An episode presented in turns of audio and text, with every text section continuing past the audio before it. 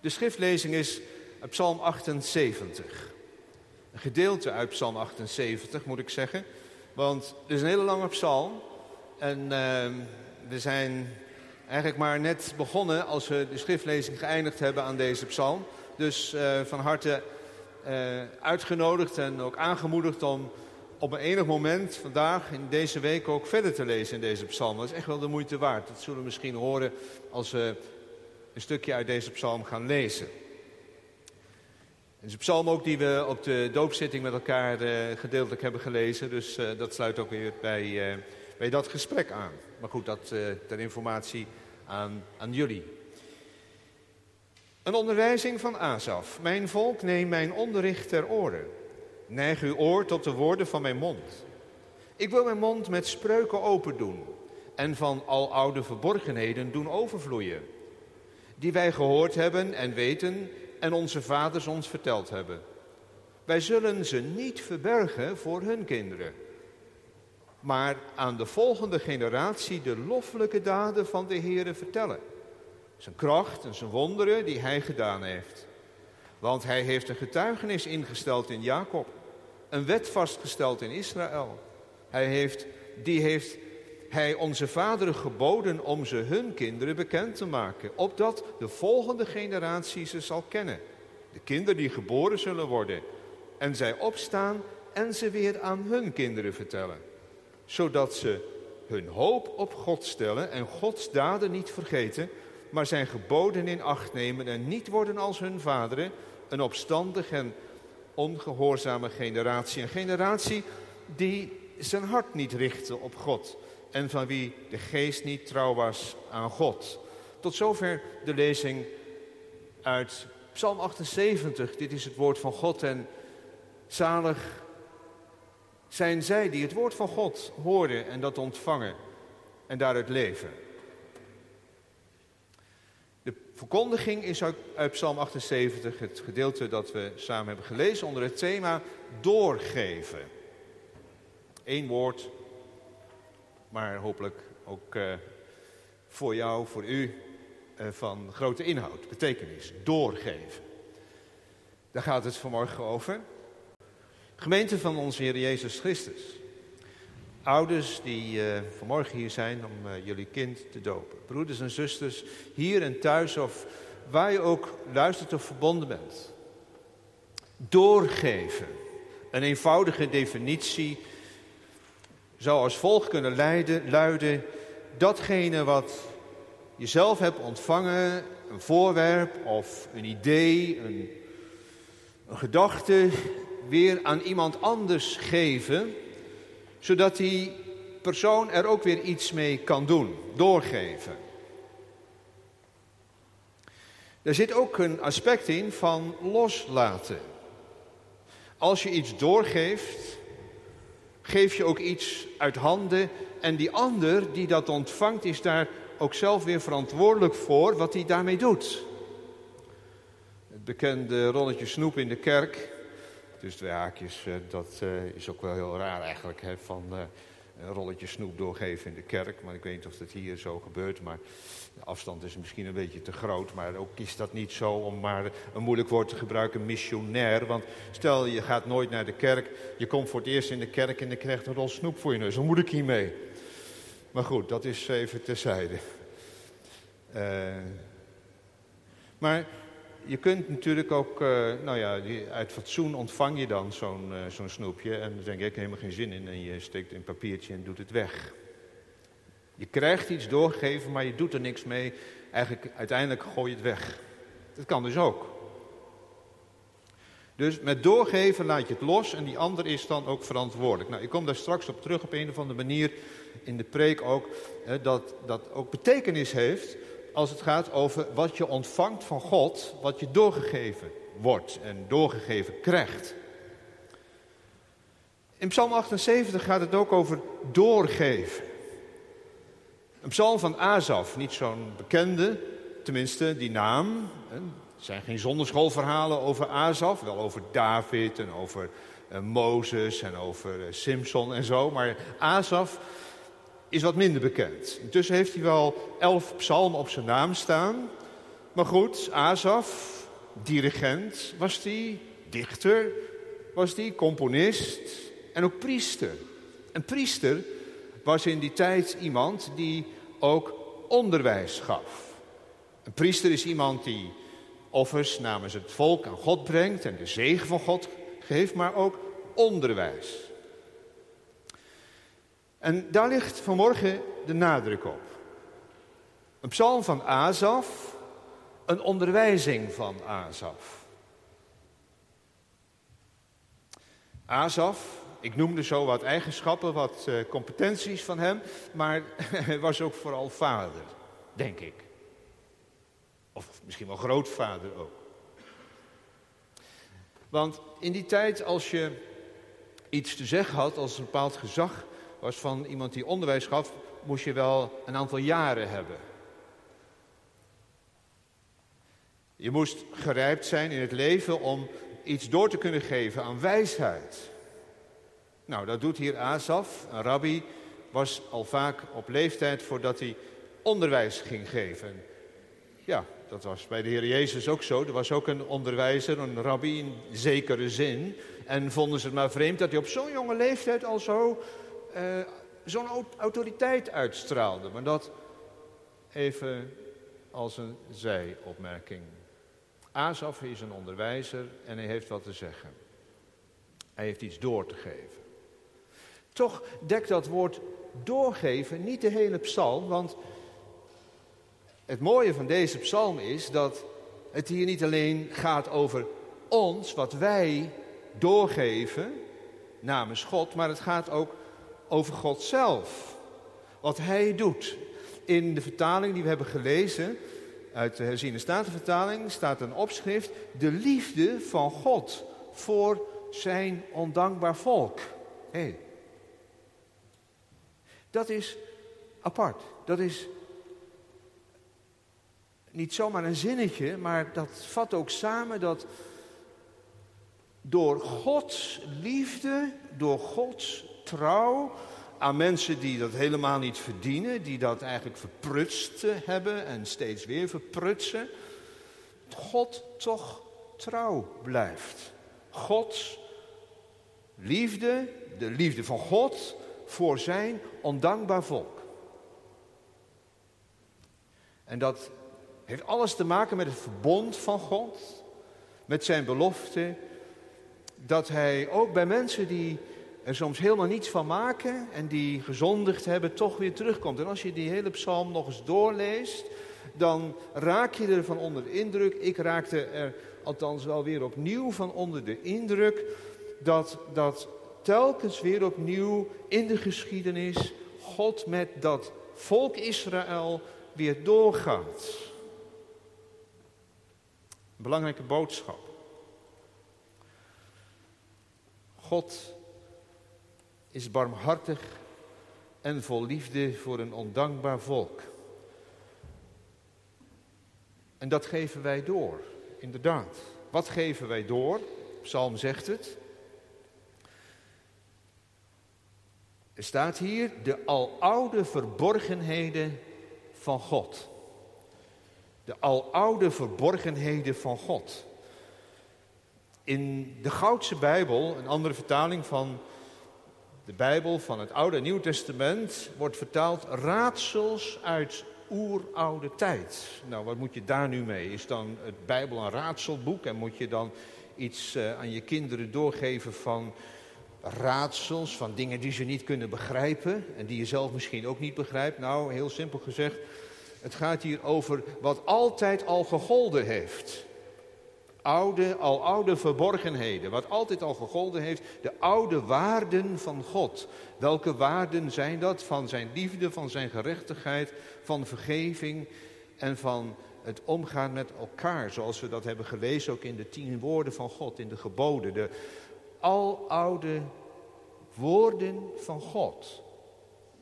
Aloude verborgenheden. En nogmaals, verborgenheden, dat zijn niet Dingen die wij niet kunnen bevatten, maar waar God zichzelf als het ware in heeft opgesloten.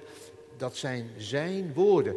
Samengevat eigenlijk de Torah, de woorden van God die een licht geven voor het leven. Die geven wij door.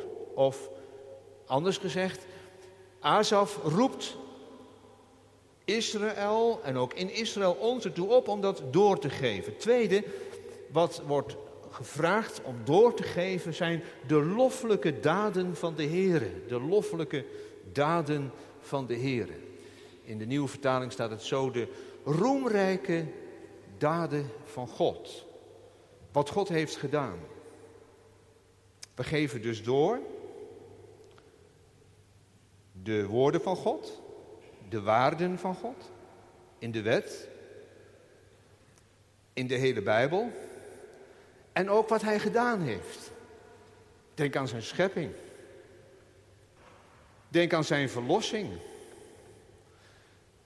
Al die verhalen in de Bijbel waar God zich heeft bewezen als een krachtige God die zijn volk heeft uitgeleid uit Egypte, die zijn volk heeft vastgehouden door de geschiedenis heen en die zijn volk een land heeft gegeven om in te wonen. De loffelijke daden van de Heer. Maar dan ook het hele verhaal. Het hele verhaal vertellen. Wat is het hele verhaal? Nou, dat is het verhaal van Psalm 78 onder andere. Dat God vol liefde is voor een ondankbaar volk, maar dat er ook een grens is. Elke keer blijkt uit deze psalm dat Israël over Gods grens gaat. Nou, je weet wat het betekent als iemand over jouw grenzen gaat. dan komt er iets in je van, wacht even. Wat je nu zegt en wat je nu doet, daar kwets je mij mee. Iemand gaat over jouw grens. God heeft ook grenzen. God heeft op een gegeven moment ook die grens dat wanneer zijn liefde niet wordt beantwoord en wij toch dwars tegen alles in onze eigen ding doen en geen rekening houden met zijn woord en met zijn geboden, dat hij ook heilig kan tonen. Ik zou bijna zeggen liefdevol toornen. En deze psalm is daar ook een bewijs van. En elke keer komt het weer terug. Want hun hart was niet standvastig bij hen en zij waren niet trouw aan zijn verbond. En Gods toorn laaide tegen hen op. Het eerlijke verhaal. Wat is het eerlijke verhaal aan je kind ook? God is niet een Sinterklaas die alleen maar cadeautjes uitdeelt van... Uh, ja, uh, het is altijd wel goed met God en zo. Nee, maar uh, wanneer we hem verdriet doen... dan heeft hij daar ook verdriet van. Deze psalm spreekt over de liefde en de gerechtigheid van God. Er komt een tijd van afrekening. En de Bijbel laat heel duidelijk zien, dat is ook het eerlijke verhaal, dat er een eeuwig leven met God is en een eeuwig leven zonder God. En de Bijbel noemt dat hemel, noemt dat hel. En dat is niet meer van deze tijd, ja nee, maar het is wel de tijd, het is wel het woord van God. Het eerlijke verhaal. Het eerlijke verhaal ook dat uh, het leven niet altijd een feestje is. Het is een mooi uh, boekje, prachtige kleurrijke tekeningen van, uh, ik weet niet, misschien zit je in de kerk en anders luister mee, Linda Bakker en Laurina de Visser is uitgeroepen tot het beste christelijke kinderboek onlangs. En de titel is De olifant op het feest.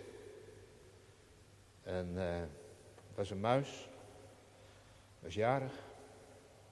En die muis die uh, nodigde alle andere dieren in het bos uit om de verjaardag te vieren. Maar uh, één kon eigenlijk niet zo goed feest vieren, was de olifant. Want de olifant zat vol verdriet. We hebben het wel eens over de olifant in de kamer. Maar die olifant in dat boekje, dat uh, kinderboekje, een verhaal. Die, uh, die zat zo vol van verdriet dat ze buik vol was met tranen. En die kon geen feest vieren. Als je heel erg verdrietig bent, kun je geen feest vieren. Wat is het eerlijke verhaal dat het leven niet altijd een feestje is? En dat kinderen het ook al soms al heel jong ervaren dat er soms uh, ziekte is of uh, verdriet is en, en, dat er iemand sterft. Of, uh, en hoe ga je daar dan mee om? Is dat dan niet van God? Heeft God daar dan niks mee te maken? Nou, in die zin niet dat hij dat veroorzaakt, maar wel dat hij erbij wil zijn. En in dat boekje over die olifant en die muis, eh, dan duurt het heel lang voordat de mensen begrijpen, of die dieren dan begrijpen, dat er pas weer iets van feest kan komen als er geluisterd is naar het verdriet van die olifant. Als die, dat verdriet een plekje heeft gekregen. Nou, zoiets. Het hele verhaal. Dat het leven niet altijd een feestje is. Maar ook het hele verhaal. Ik denk aan het kinderlied. Als je bidt, zal hij je geven. Ja. Nou, het is een prachtig lied. Als je bidt, zal hij je geven. Als je klopt, zal hij de deur voor je open doen. Maar krijg je dan alles waarom je bidt? Dat zou mooi wezen, hè? Je bidt ergens om, altijd krijg je waarom je bidt. Nee. Weet je, één ding. Dan zeg ik tegen jullie ouders en uh, de kinderen en iedereen in de kerk. Weet je, één ding zal hij altijd geven. Wat zal de Heere God, onthouden jullie dat kinderen? Wat zal de Heere God altijd geven? Nou, dat zegt de Heer Jezus. Dat is de Heilige Geest. Nou, wat is nou de Heilige Geest? Nou, de Heilige Geest is de geest van God, die van de Vader uitgaat, van de Zoon uit, die in jou liefde geeft voor God, geloof geeft in God. De Heilige Geest die jou dicht bij de Heer Jezus brengt en die jou de Heer Jezus laat kennen. En dat is eigenlijk, en eigenlijk laat het woord maar weg, want in de Bijbel staat nergens het woordje eigenlijk. Dat is waar het ten diepste omgaat. Ouders. Doorgeven. Wat? Die oude woorden van God? Ja. Die wijsheden van God? Die waarden van de Bijbel? Ja. Van liefde, van eerlijkheid, van trouw? Ja. Die verhalen van God, van de schepping, van de verlossing? Ja, doorgeven. Maar dit ook. Het eerlijke verhaal, ook dit verhaal, of deze roep dat onze kinderen de Heilige Geest ontvangen. Dat krijgen ze straks mee als ze gedoopt worden in de naam van de Heilige Geest. Dat de Heilige Geest zal, er staat een ouderwets woord, toe-eigenen. Dat betekent eigenlijk dat het jou eigen maakt. Wat je allemaal al in de Heer Jezus hebt. Dat is vergeving van zonde en het eeuwige leven. Vroeger zeiden ze, het moet je mijnen. Nou, mijnen heeft niks te maken met kolenmijnen en zo, of andere mijnen. Maar mijnen, dat betekent dat het van mij wordt. Als het geloof niet van mij wordt, als het niet van mij als vader wordt, als het niet van mij als moeder wordt, dan heb ik eigenlijk helemaal niks door te geven. Dan is het alleen maar traditie. Dan is ah, ja, je moet naar de kerk en je moet dit en dat en dat zijn. Dat hoort nou eenmaal bij de. Hè, als, je, als je christen bent, hoort dat erbij. Maar dan geef je niks door. Dan ben je alleen maar bezig met regeltjes. Maar als je het geloof ook zelf hebt toegeëigend. En ziet, Heer Jezus, u ook voor mij aan het kruis gaan. En die waarde daarvan hebt ontdekt. Dan kun je niet anders dan dat je kinderen ook daarnaar, ja, dat je daarnaar uitstrijkt. Dat zij, en daar gaat het hier om, hun hoop ook zelf op God gaan stellen. Hun hoop zelf op God gaan stellen. Dat is het doel. opvoeding, christelijke opvoeding. En of het nou in, in ouders is, of, of groepsleerkrachten, of, of docent, dat wij zo doorgeven en het eerlijke verhaal vertellen aan onze kinderen, dat zij ook zelf hun hoop op God gaan stellen. Dat je ook zelf als kind op God gaat vertrouwen. Ik denk even aan ons, eh, een van onze kleinkinderen, Mels. Eh, Mels heeft het syndroom van Down.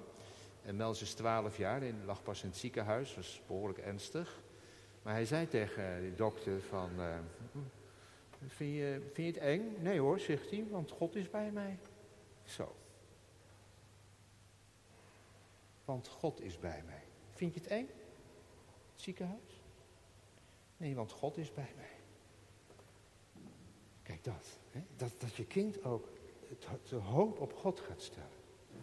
En uh, ja, bij de Heer Jezus hoort ook uh, wat de Heer Jezus heeft gezegd. Uh, dat, dat je niet in het koninkrijk van God kunt komen, lieve mensen, tenzij je opnieuw geboren wordt. Dat heeft de Heer Jezus gezegd. Eén keer geboren is dus niet genoeg. Maar opnieuw nog een keer geboren. Wat is dat dan, nog een keer geboren worden? Nou, zegt de Heer Jezus, dat, ik noemde net de Heilige Geest, dat hij in jou komt. En dat, uh, dat je gaat zien dat je zelf iemand bent die, uh, ja, die verkeerd is, die zondig is. Die zomaar niet bij God kan komen. En dat je dan hoort, als je opnieuw geboren wordt, ja, dat je inderdaad opnieuw geboren wordt als het geloof ook in jou gaat leven. Dat is het verhaal dat je doorgeeft.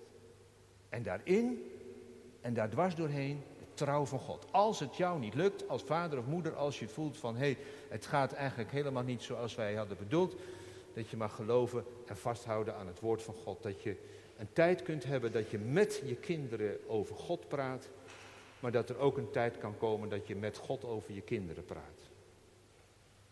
En dat ze dat uh, wat je doorgegeven hebt, zo gezegd, ik noem even dat snoepje wat ik net noemde, in hun zak gestoken hebben of misschien een poosje op gekoud hebben en uitgespuugd hebben.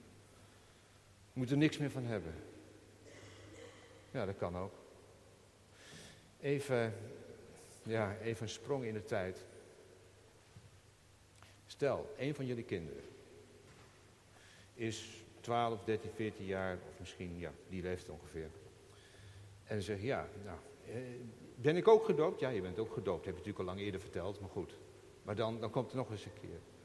En dan, hé, uh, hey, hoe, was dat? En nou, ik heb nog wel, ga je doen. Het staat op internet en je kunt het uh, tot je lengte van jaren kun je terugvinden. YouTube, dit en dat, 11 uh, juli 2000, 2021. Nou, en dan zit jij te kijken. En jij kijkt naar je eigen doopdienst nu. En je hebt misschien heel veel twijfels en vragen. Net als heel veel andere jongeren dat ook hebben. Van, uh, ja, wat moet ik eigenlijk met God? Wat moet ik eigenlijk met die Bijbel? Ik snap er niks van. Ik wil er ook eigenlijk misschien helemaal niks mee. En ik twijfel ook van, ja... Ik heb soms het gevoel dat ik er niet uitzie. En heel veel andere dingen die ik moeilijk vind. Weet je, dan Weet je wat God tegen jou zegt? Nu? Dat mag ik doorgeven. Dat zeg ik ook tegen alle andere jongeren hier in de kerk. Nog voordat jij bestond, kende ik jouw naam. Ik zag je elk moment. En ik telde elke traan. Ook als je soms eenzaam voelt nu. En niet begrepen. Misschien niet begrepen door je eigen vader en moeder omdat ik van je hield, gaf ik mijn eigen zoon. Ik wacht alleen nog maar totdat je komt, lieve jongens en meisjes, jongeren hier in de kerk. Jezus zegt ook, God zegt, ik wacht alleen nog maar totdat je komt. Hij houdt van jou. Nou, hoor je dat? En als je niet gedoopt bent, kan ook hè, dat je hier zit en bent niet gedoopt. En zeg je, waar kom ik nou vandaan, waar ga ik naartoe?